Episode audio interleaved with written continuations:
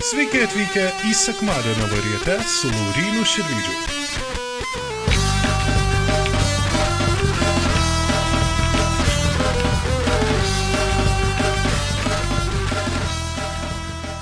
Sveiki, Juda.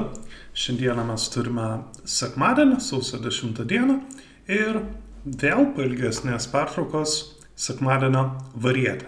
Pasaulis su dviem poliais veikiausiai niekad neegzistavo. Pasaulis su dviem poliais buvo labai graži idėja, apibrėžusi mūsų fantaziją apie šaltąjį karą. Komunistiniai rytai prieš kapitalistinius vakarus. Viskas švaru ir tvarkinga. Kaip ir visos švaros ir tvarkingos koncepcijos, ši koncepcija neturėjo nieko bendro su realybe.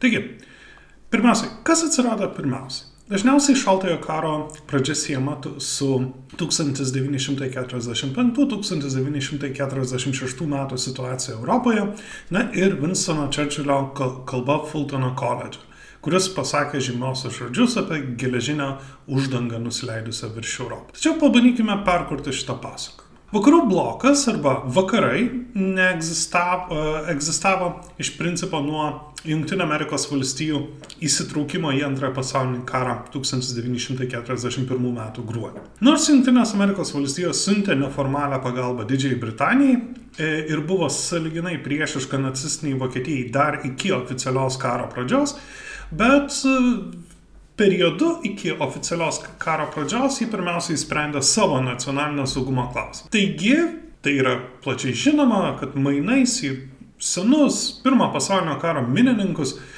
iš Didžiosios Britanijos Junktinės Amerikos valstijos gavo karinės bazės vakarų pusrutuliai. Po antrojo pasaulinio karo Junktinės Amerikos valstijos laimėjo lyderystę ten, kur siekė jos karinę galę. Karo, e, karo pralaimėjusios Vokietija ir Japonija, vietoj to, kad būtų kažkaip nubaustos už karinę agresiją, e, turėjo tapti Junktinio Amerikos valstybių galios projekcijos įrankiais. Šioms valstybėms buvo leista persitvarkyti į Junktinio Amerikos valstybių dominuojamos sistemos sudėtines dalis ir tapti jos ekonominiais varikliais. Vietoje prancūzų plano visam laikui deindustrializuoti vakarų Vokietiją ir paversti ją nepavojingą žemynę, JAV viską statė ant vakarų Vokietijos ir leido jai atkurti savo e, pramoninę galę. Junktinio Amerikos valstybių uždavinys buvo susilpninti kitas dvi pagrindinės partnerės vakarų blokio. Junktinės Amerikos valstijos stipriai spaudė Didžiąją Britaniją ir Prancūziją dekolonizuotis. Didžioji Britanija turėjo atverti savo būsas kolonijas Junktinių valstybių kapitalui. Prancūzija savo kolonijinį imperiją išlaikė šiek tiek ilgiau negu Didžioji Britanija iki 70-mečio, kada vienu įpu dekolonizavo didžiąją dalį Šiaurės Afrikos. Prancūzija turėjo savo ambicijas ir savo pretenzijas į savarankiškumą. E, jie kūrė nuosavą brandolinę ginklo programą ir turėjo siekį, siekį išlaikyti savo strateginę autonomiją. Junktinės Amerikos valstijos neturėjo jokių interesų ginti senųjų Europos galių pretenzijų į praeitie šlovę. 1956 m. datą išgirsite dar e, ne kartą, bet tais metais įvykusi Sueco krizė, kada Egiptas nacionalizavo Sueco kanalą, ir pradėjo karinį konfliktą, yra tas taškas, kur galime, galime šitos na, politikos atsiskleidimą pamatyti. Kada Egiptas nacionalizuoja Sueco kanalą, tada prasidėjo karinis konfliktas tarp Izraelio ir Egipto, o ankstesni kanalo savininkai - Britanija, Didžioji Britanija ir Prancūzija - pradėjo, kaip vėliau pasirodė, politiškai pralaimėjusią invaziją. Junktinės valstijos ir Sovietų sąjunga tapo netikėtais sąjungininkais jungtinėse tautose siekiant sustabdyti šią invaziją.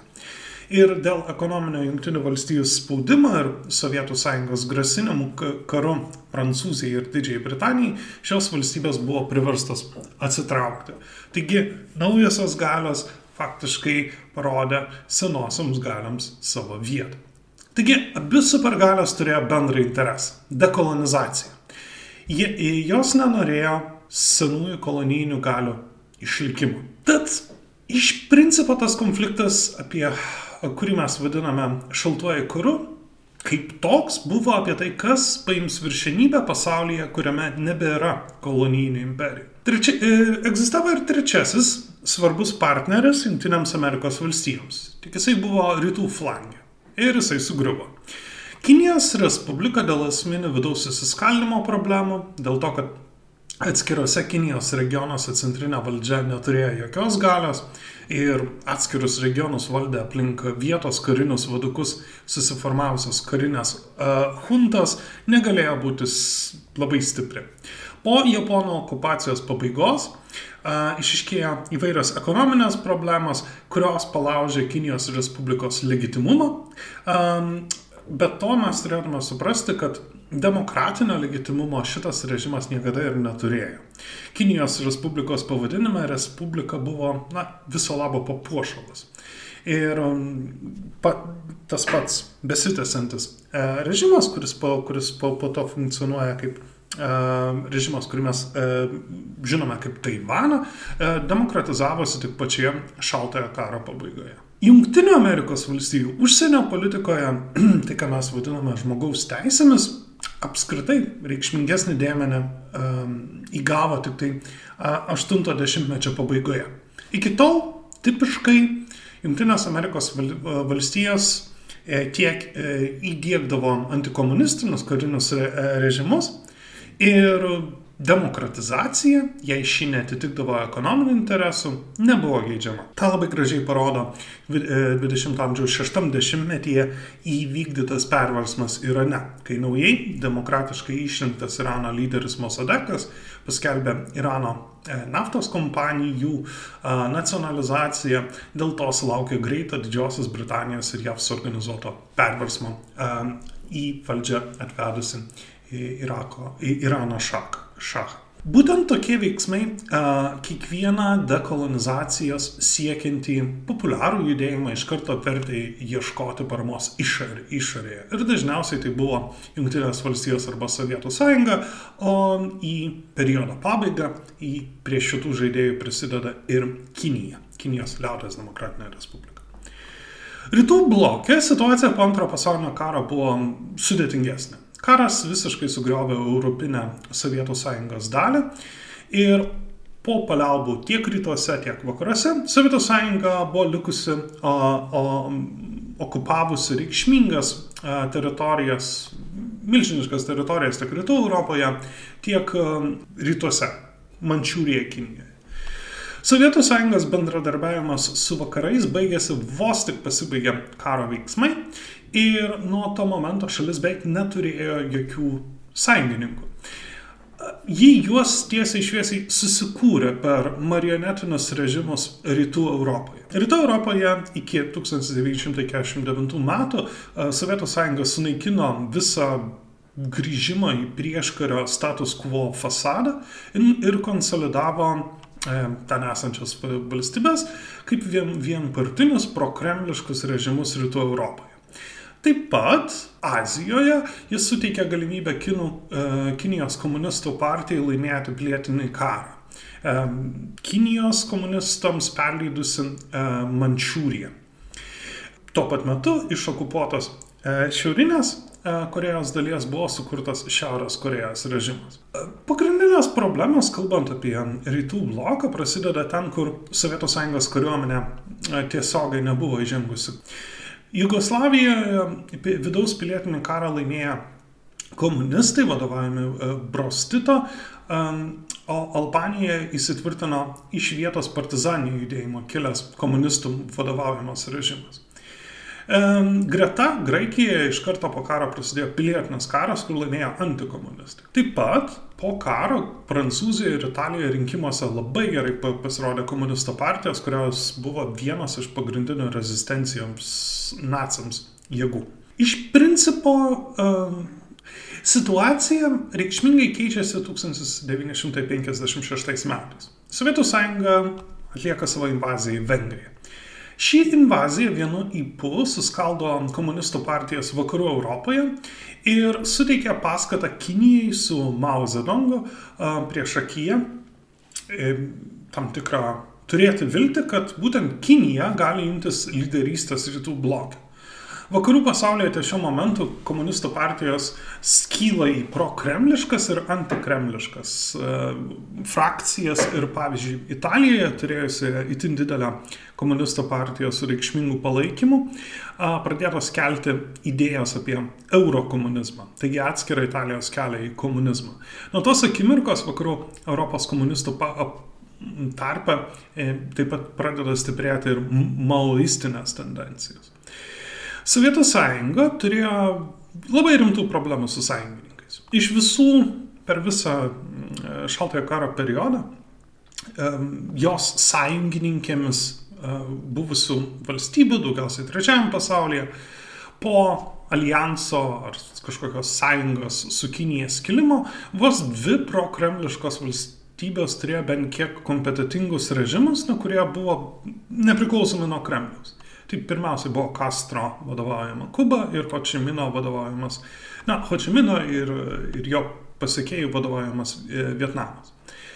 Kuba visą laiką buvo izolacijoje ir embargė iš Junktinio Amerikos valstybių pusės, bet e, sugebėjo reikšmingai kištis į įvykius likusiam trečiam pasaulyje - Afrikoje, Pietų Amerikoje, Centrinėje Amerikoje.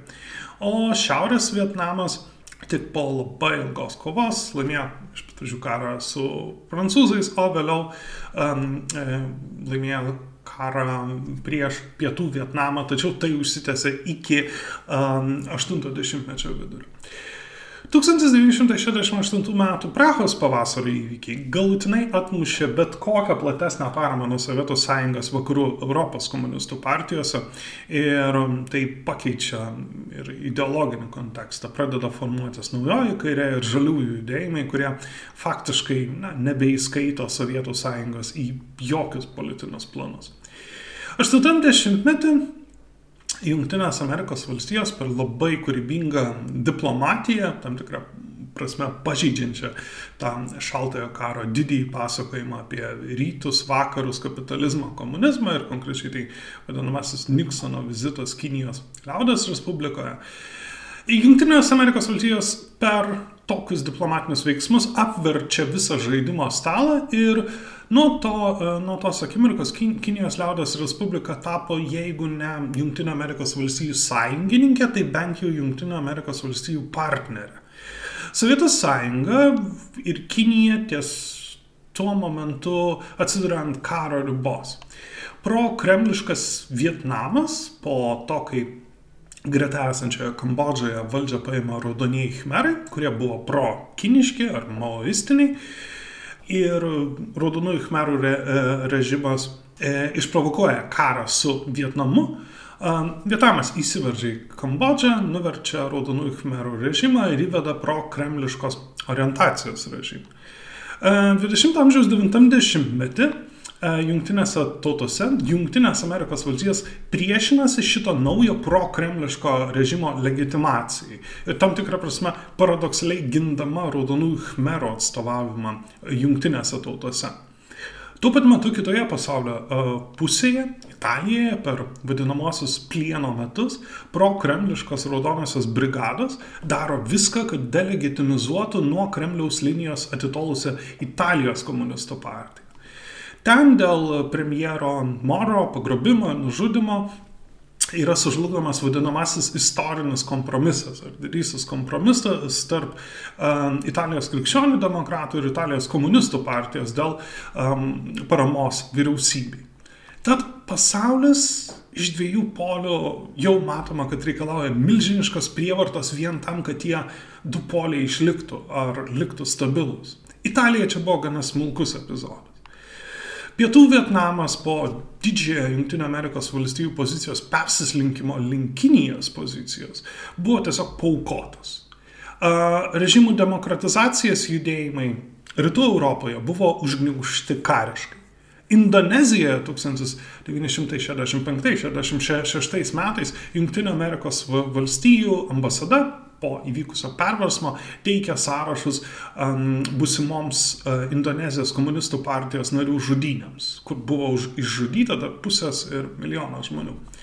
Sovietų sąjunga nesako nieko, nes ši Indonezijos komunistų partija um, savo poziciją buvo pro-kiniška. Mūsų pasakojimai apie šaltąjį karą yra labai supaprastinti, nes tokiais tiesiog paprašiau tikėti. Poliai, apie kuriuos kalbam, buvo asimetriški.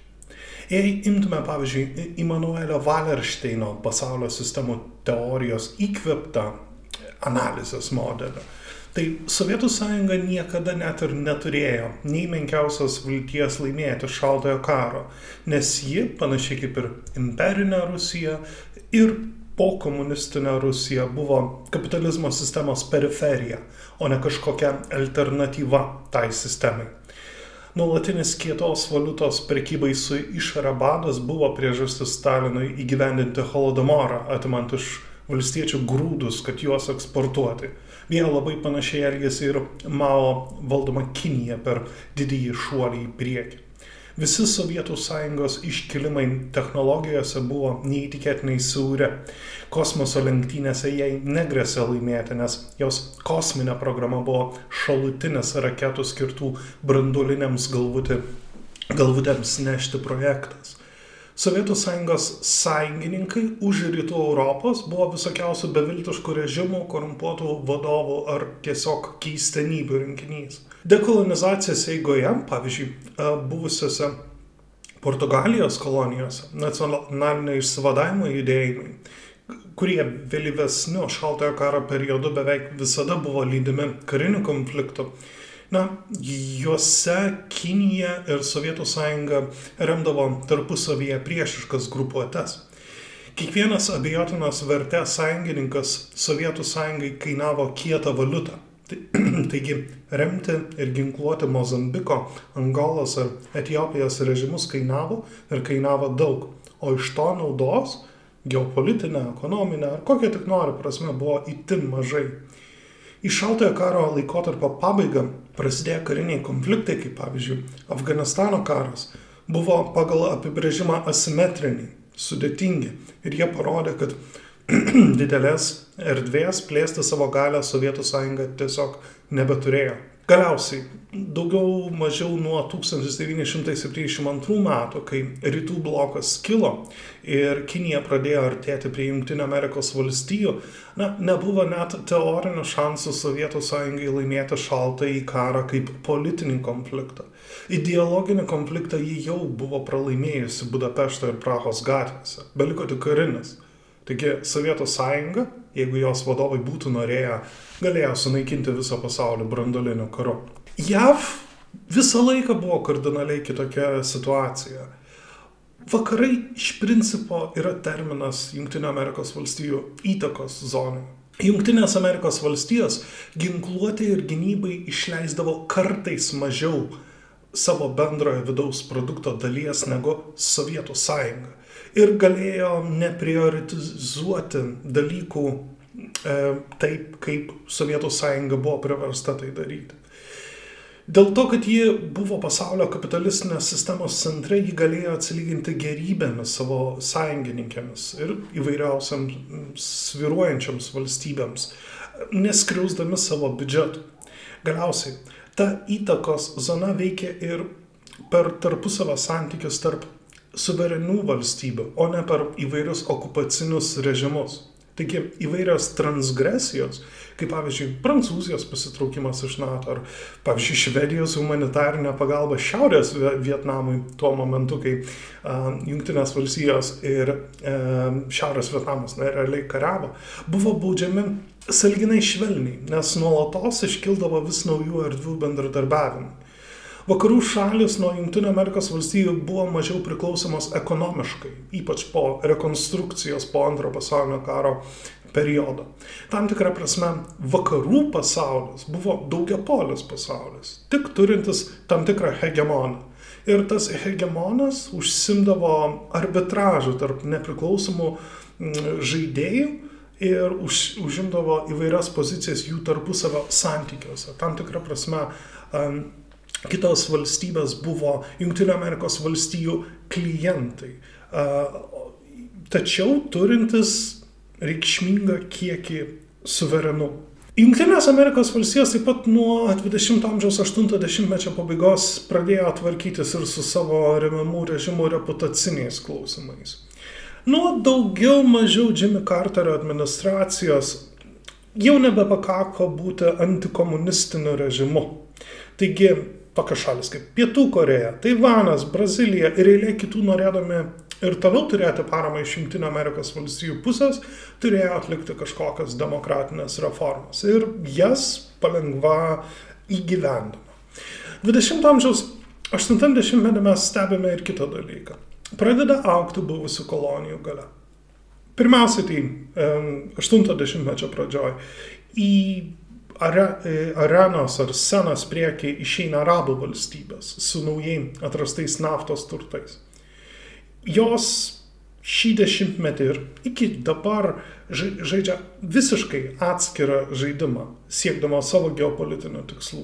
Jos tampa ypač susigrupavusios atskirų geopolitinių žaidėjų. Ne tokio likmens be abejonės, kaip supervalstybės, bet su jomis turėjo skaitytis. Antra, kartu su Irano revoliucija ir Hezbollah iškilimu Libane atsiranda ir šiom, šioms arabo valstyb, valstybėms ir jų režimams priešiškas politinis islamas, radikalus islamas, kuris tam tikrą prasme jis yra liaudiškas, jis yra iš, apačio, iš apačios ateinantis ir fundamentalistinis. Šalims, kurios nepateko nei į vieną šaltojo karo stovyklą, šaltasis karas buvo nesibaigiantis manevravimas tarp kelių polių. Šalims, kurios netapo šio karo sena, iš principo dažnai ir tiesiog pasisekdavo. Iš viso dekolonizacija buvo labai skausmingas procesas. Visoms pusėms tik tai skirtingai skausmingas. 20 amžiaus 7-80 metyje, akivaizdžiai augant buvusių kolonijų ekonominiai ir politiniai galiai, pasikeičia žaidimo taisyklės. Turbūt geriausias pavyzdys yra 1961 m. gruodį Indijos įgyveninta Goa anklavo Indija aneksija. Goa buvo paskutinė e, kolonijinių valstybių kolonija Indijoje. Jis priklausė Portugalijai.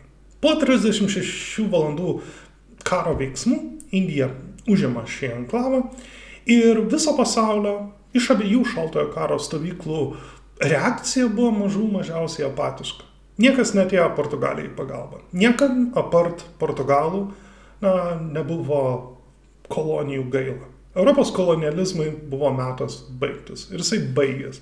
Ir Portugalijos atveju 80-mečio pradžioje, 1974 metais, jisai baigėsi kartu ir su to tokiu, na, kvazi klerikaliniu Nova Stados režimu. Bet pabaigai. Šaltasis karas yra paprastas pasakojimas, nes jis įtikina nes jis veikia per labai stiprias opozicijas. Pagrindinė problema ta, kad po tom opozicijom slypi pasakojimai ir pasirinkimai, kurie nebuvo labai paprasti. Jei nebūtų šio apjungiančio pasakojimo apie ideologinę kovą tarp kapitalizmo, komunizmo, mes turėtume kažką panašaus į pasakojimą apie geopolitinį manevravimą, nacionalinius interesus ir kartais tiesiog paprastą oportunizmą. Šie trys veiksniai labai dažnai į vieną lovą suvesdavo labai labai keistus partnerius.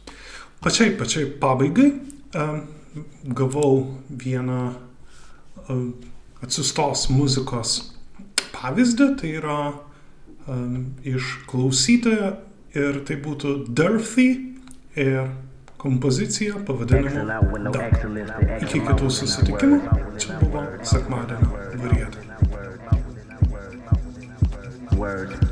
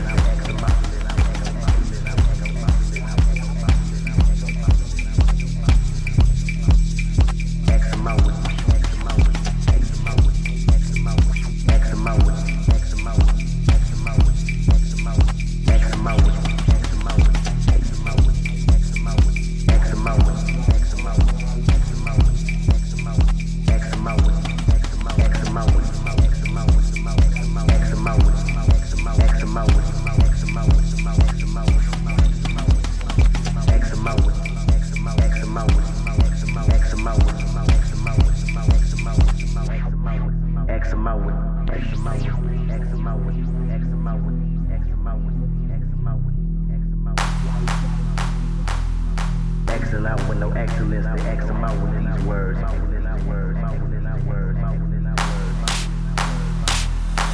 them out with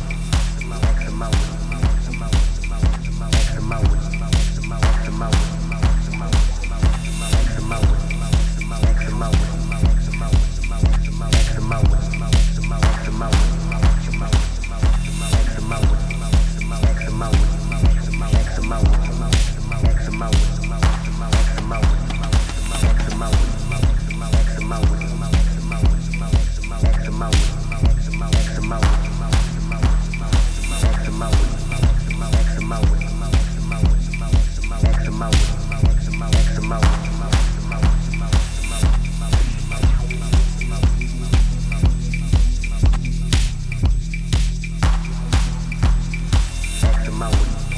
X amount. X amount. X amount. X X amount